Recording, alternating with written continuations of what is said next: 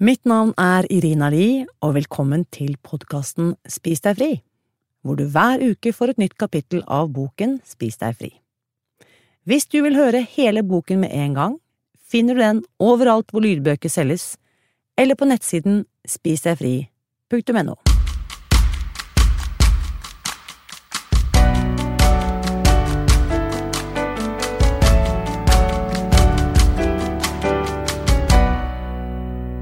Del 1 Hvordan hjernen blokkerer vektreduksjon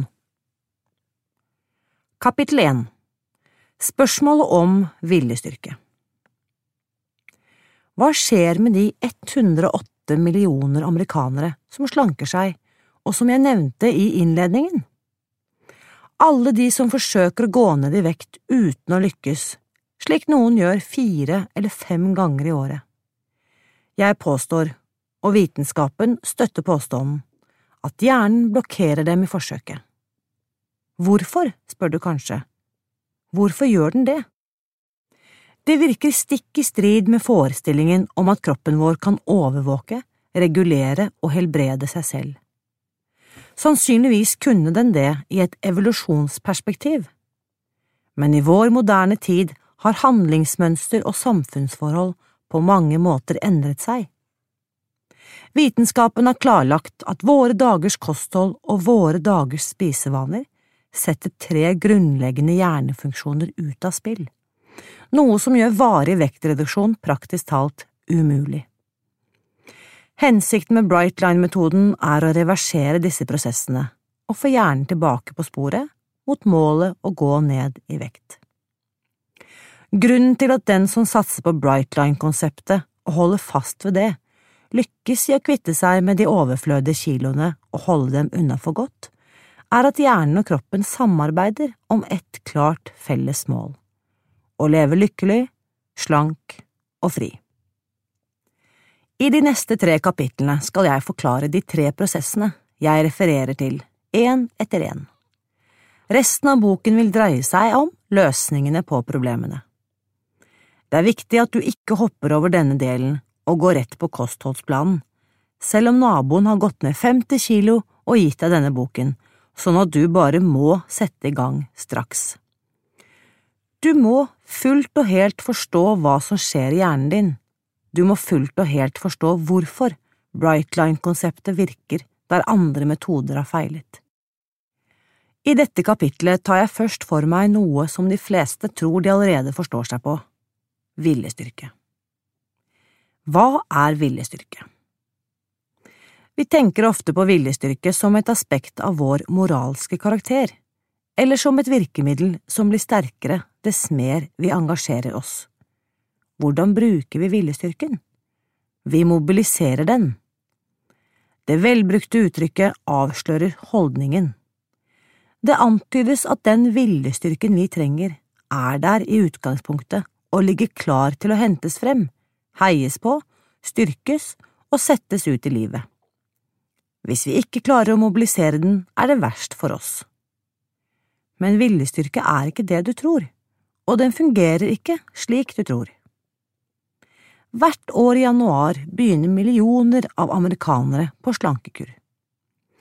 Innboksen på datamaskinen fylles opp av tilbud, nettsidene flommer over av reklame, hvert magasin og hvert nyhetsprogram på dagtid trekker frem det siste innen slanke- og treningsopplegg, og folk psyker seg opp til å tro at denne gangen skal det virke. Det de ikke er klar over, er at disse slankekurene bygger på viljestyrken for å kunne fungere. De skisserer hva du skal spise, hva du ikke skal spise, hvorfor du skal trene, og hvordan, og så overlater de til deg å følge opp videre.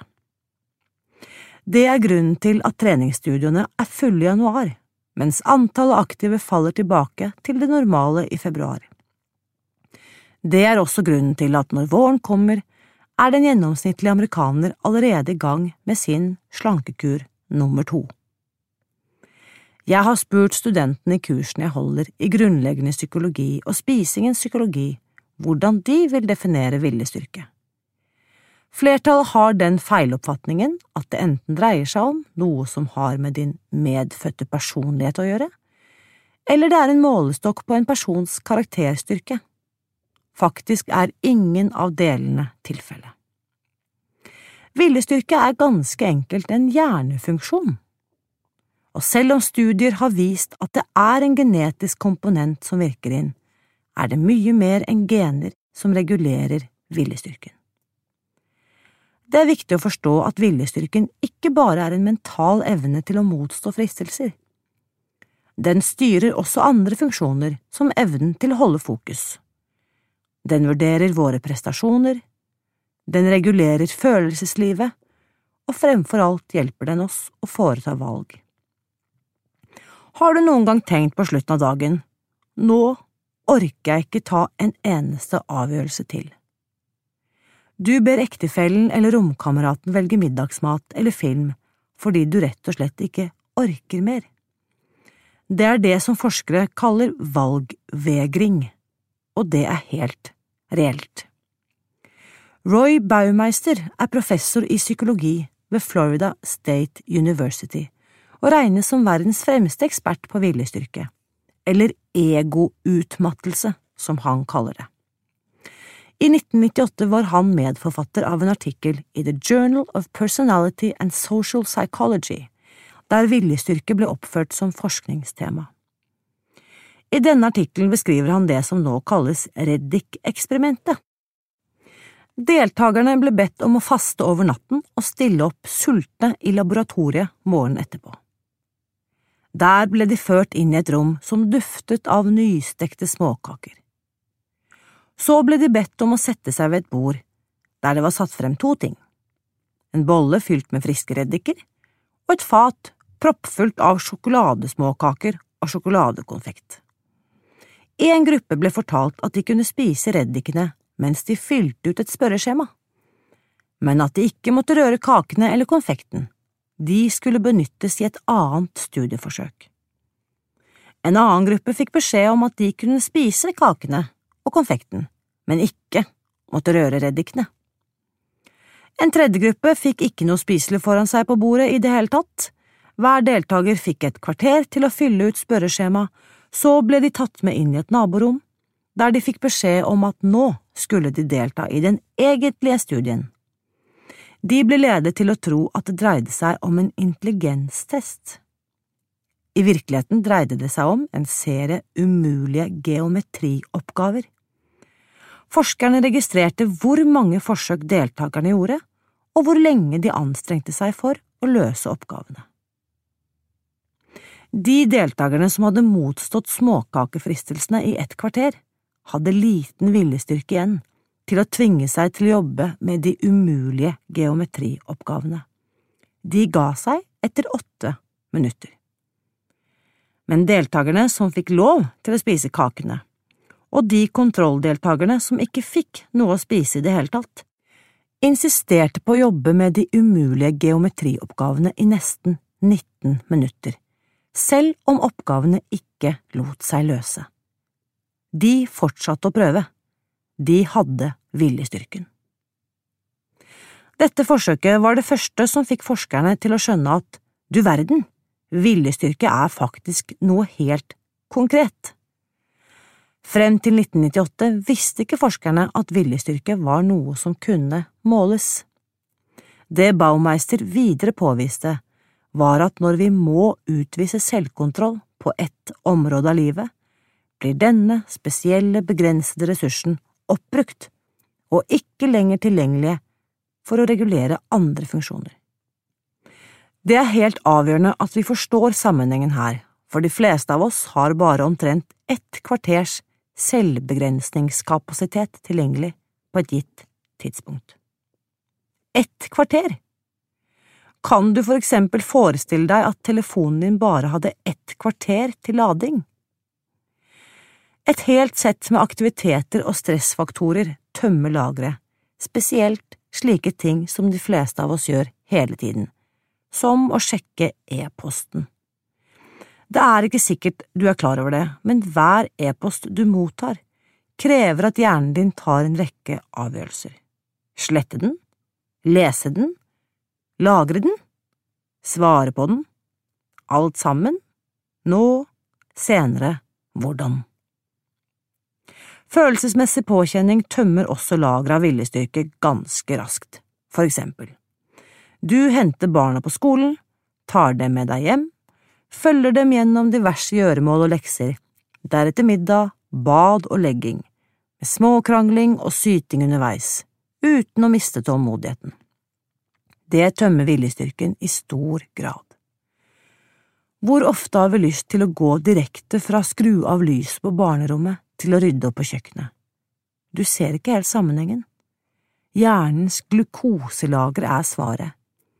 En studie viste at innsatte bare hadde en 15% sjanse til å bli løslatt på prøve, hvis dommeren trengte en pause og høyst sannsynlig en matbit. Etter pausen gikk oddsen opp til 65% Hvordan henger alt dette sammen?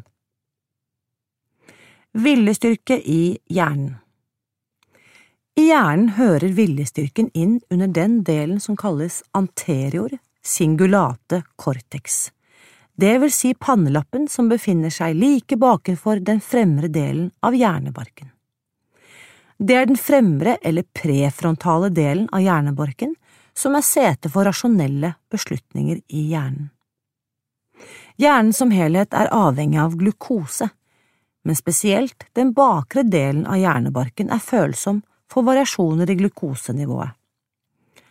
Når tilførselen av glukose synker, synker aktiviteten i dette området drastisk. Naturens mest brutale triks er nettopp dette. Når vi har arbeidet i noen timer, eller befinner oss på slutten av en lang dag, når blodsukkernivået er på sitt laveste, svikter hjernen oss og setter oss ut av stand til å foreta kloke valg når det gjelder mat. Det bringer oss tilbake til dem som begynner på slankekur i løpet av de første ukene av januar. De starter hver dag med de beste intensjoner. De mosjonerer, noe som tapper forrådet av viljestyrke. På en gjennomsnittsdag, enten de er hjemme med barn eller på jobb, forbruker de av den emosjonelle reserven, noe som også tapper viljestyrken. De sjekker e-posten og prøver å motstå den nesten konstante fristelsen til å spise. Innen tidspunktet for middagen opprinner, vil mange si til ektefellen, la oss rett og slett bestille pizza, uten å vite hvorfor. De har simpelthen falt i villstyrkefellen. Hvor mange ganger har du startet dagen med de beste intensjoner, bare for å ende opp med å bestille ferdigmat fordi du var sliten? Du sier til deg selv, ja ja, jeg begynner på nytt igjen i morgen. Eller du har jobbet med en oppgave i noen timer, og så finner du smultringer på pauserommet. Hvis du spiser dem, er det ikke fordi du er svak, det er fordi du er normal. Siden det å motstå fristelser er en av nøkkelfaktorene som tapper viljestyrken, lurte Roy Baumeister og en av hovedfagstudentene hans på hvor mye tid folk faktisk bruker på nettopp det. De bestemte seg for å undersøke. Sammen med en forskerkollega i Tyskland, W. Hoffmann, utstyrte de deltakerne i studien med personsøkere og kalte dem opp sju ganger om dagen til forskjellige tidspunkt og spurte Hei, hva driver du med nå? Prøver du å motstå noen form for fristelse eller lystimpuls? I så fall, hva slags? Fra de 205 mannlige og kvinnelige deltakerne samlet de inn 7827 øyeblikksrapporter. Dataene var overveldende. I gjennomsnitt brukte hver person fire timer per dag på å motstå en eller annen form for lystbehov. Søvn, fritid, sex, sjekke Facebook. Alle disse ble rangert. Men nummer én fristelse som folk brukte energien sin på å motstå, hva var det? Mat. Langt foran alt annet. Den er nummer én av alt det vi fristes av. Vi tenker på mat flere timer mer hver dag enn hjernen vår har kapasitet til å motstå. Mat finnes overalt, og det å gi etter for fristelsen er sosialt akseptabelt. til forskjell fra å stikke av fra jobben for å rekke en kino, eller ha sex med en kontorkollega, for å nevne andre utbredte fristelser. Nå begynner du å skjønne hvorfor tanken på at noen skulle klare å gå ned i vekt bare ved å ville det, er ganske tåpelig. Det finnes ting vi kan gjøre for å øke viljestyrken vår. Glukose bidrar til det. Bønn, meditasjon, sosiale forhold, søvn og takknemlighet hjelper også. Alt sammen bidrar, men forskeren Brian Vansink beregnet at vi i gjennomsnitt foretar 221 valg per dag som har med mat å gjøre. Ja, 221!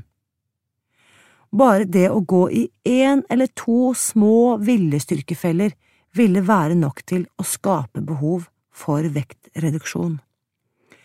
Men de fleste av oss snubler ikke i små viljestyrkefeller. Vi faller ned i hele krateret, av den sorten som kaster oss rett ut av vektreduksjonssporet og sender oss tilbake til startpunktet, igjen og igjen og igjen. Slankeprogram som fokuserer ensidig på måter å drive mosjon på, og hva du skal og ikke skal spise, men som ikke legger opp en strategi for å styre unna viljestyrkefellene, er dømt til å mislykkes. Det du trenger, er et system som tar høyde for at du ikke har viljestyrke i det hele tatt og på enkelte tidspunkt har du kanskje ikke det, og som likevel fungerer.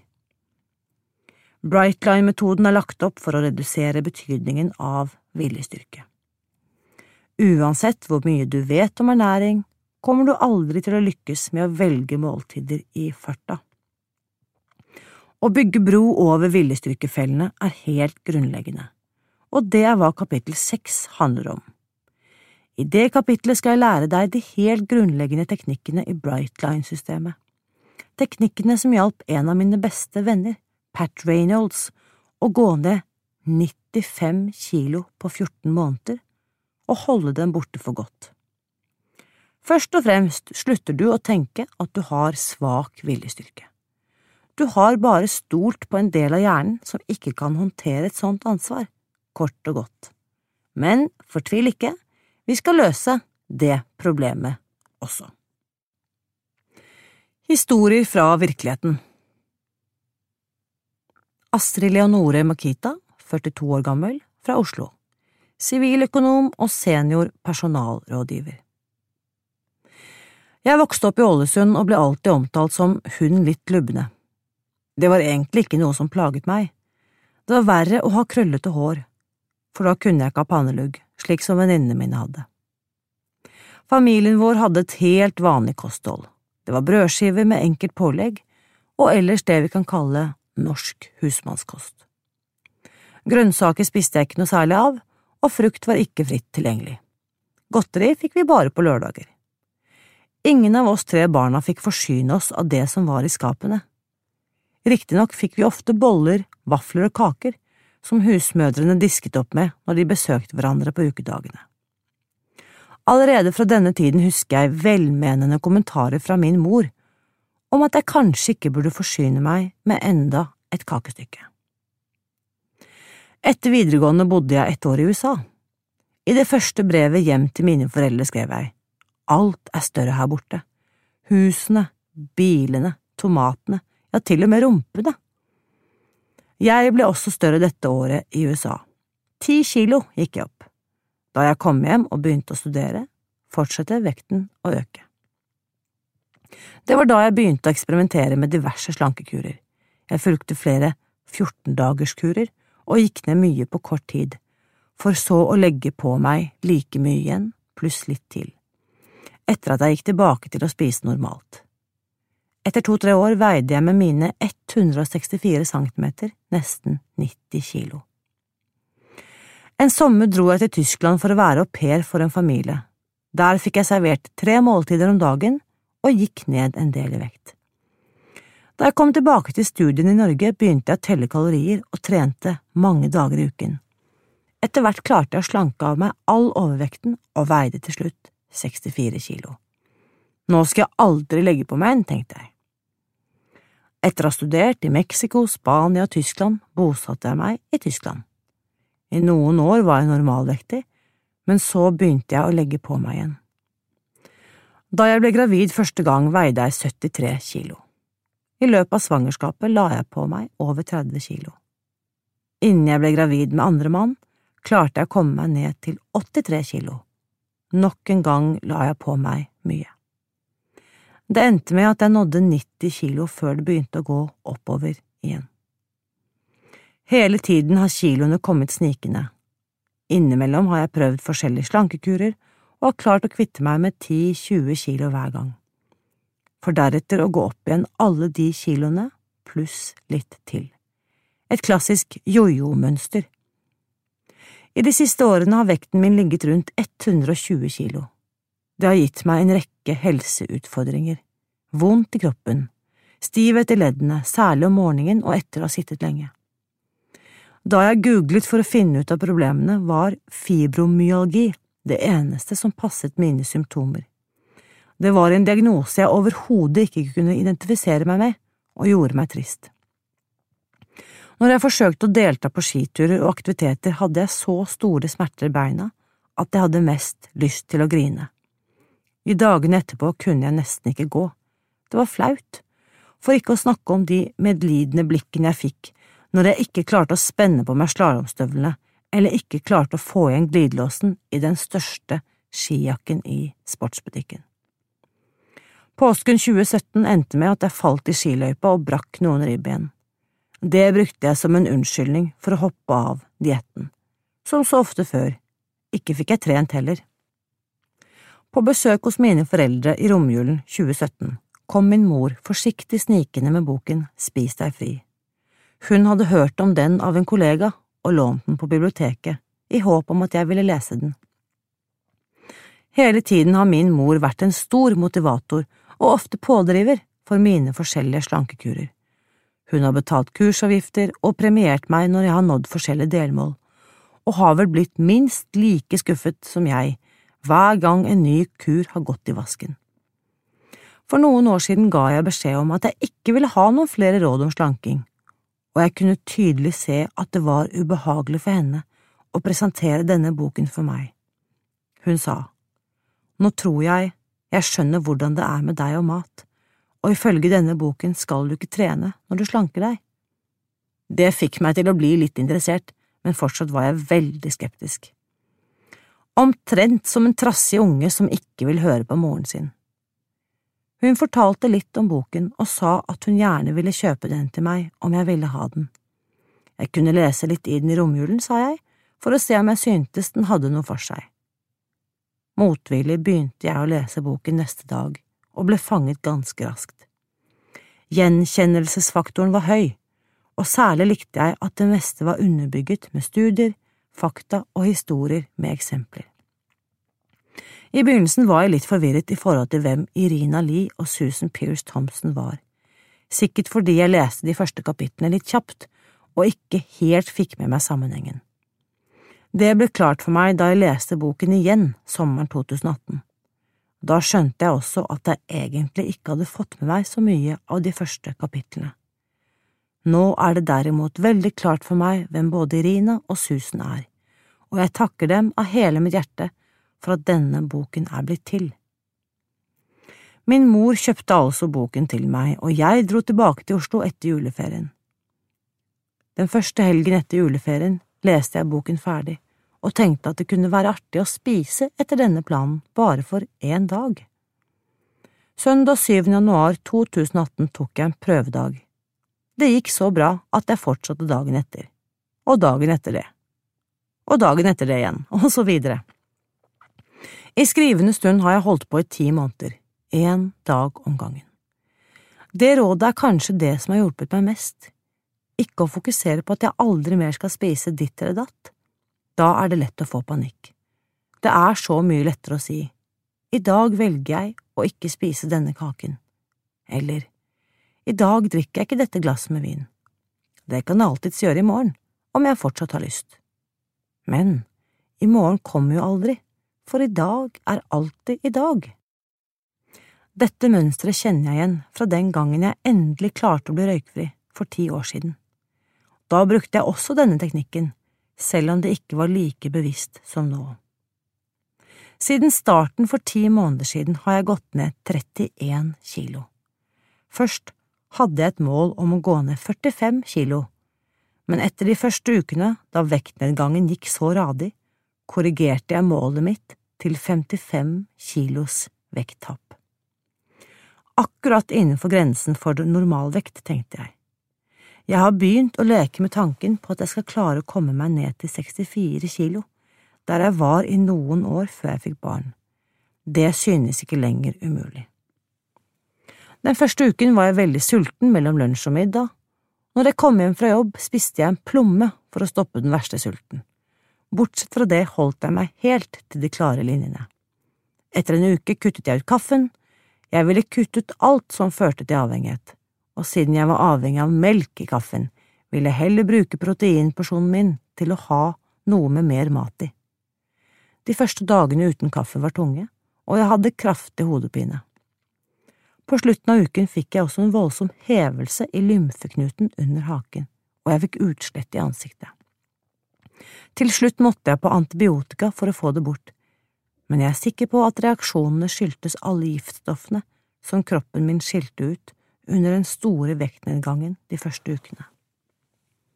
Når jeg blar tilbake femårsdagboken og takknemlighetsdagboken min, leser jeg omtrent daglig notiser om hvor stolt jeg har vært av meg selv, hvordan jeg har klart å planlegge mat for neste dag i travle perioder, hvordan jeg har tatt med meg matpakke i barnebursdager, hvordan jeg har takket nei til fristelser, hvordan jeg har tatt med all mat jeg trenger til en hyttetur, hvordan klærne har blitt for store, og så videre.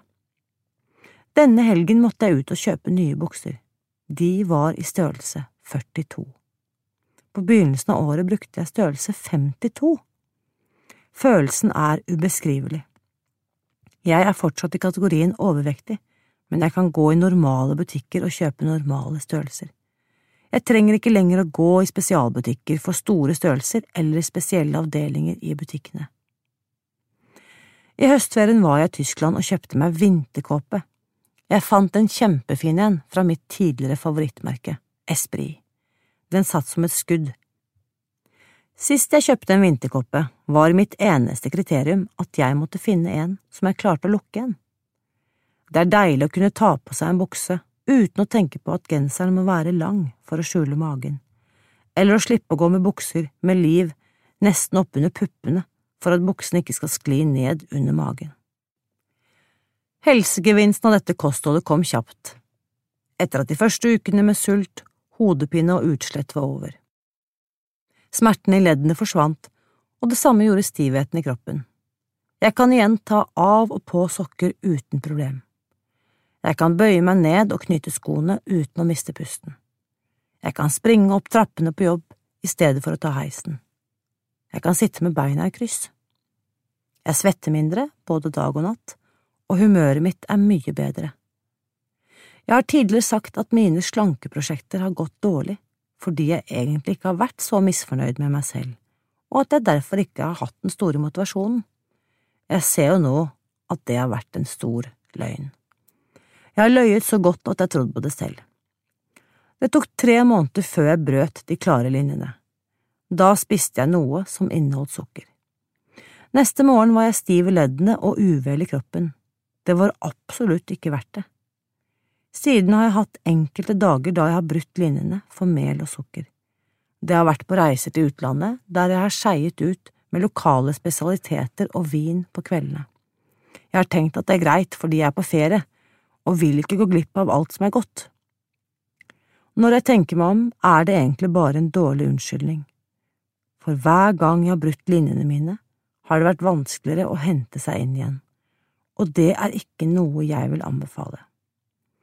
I de periodene jeg har holdt meg til planen, har allting gått lettere.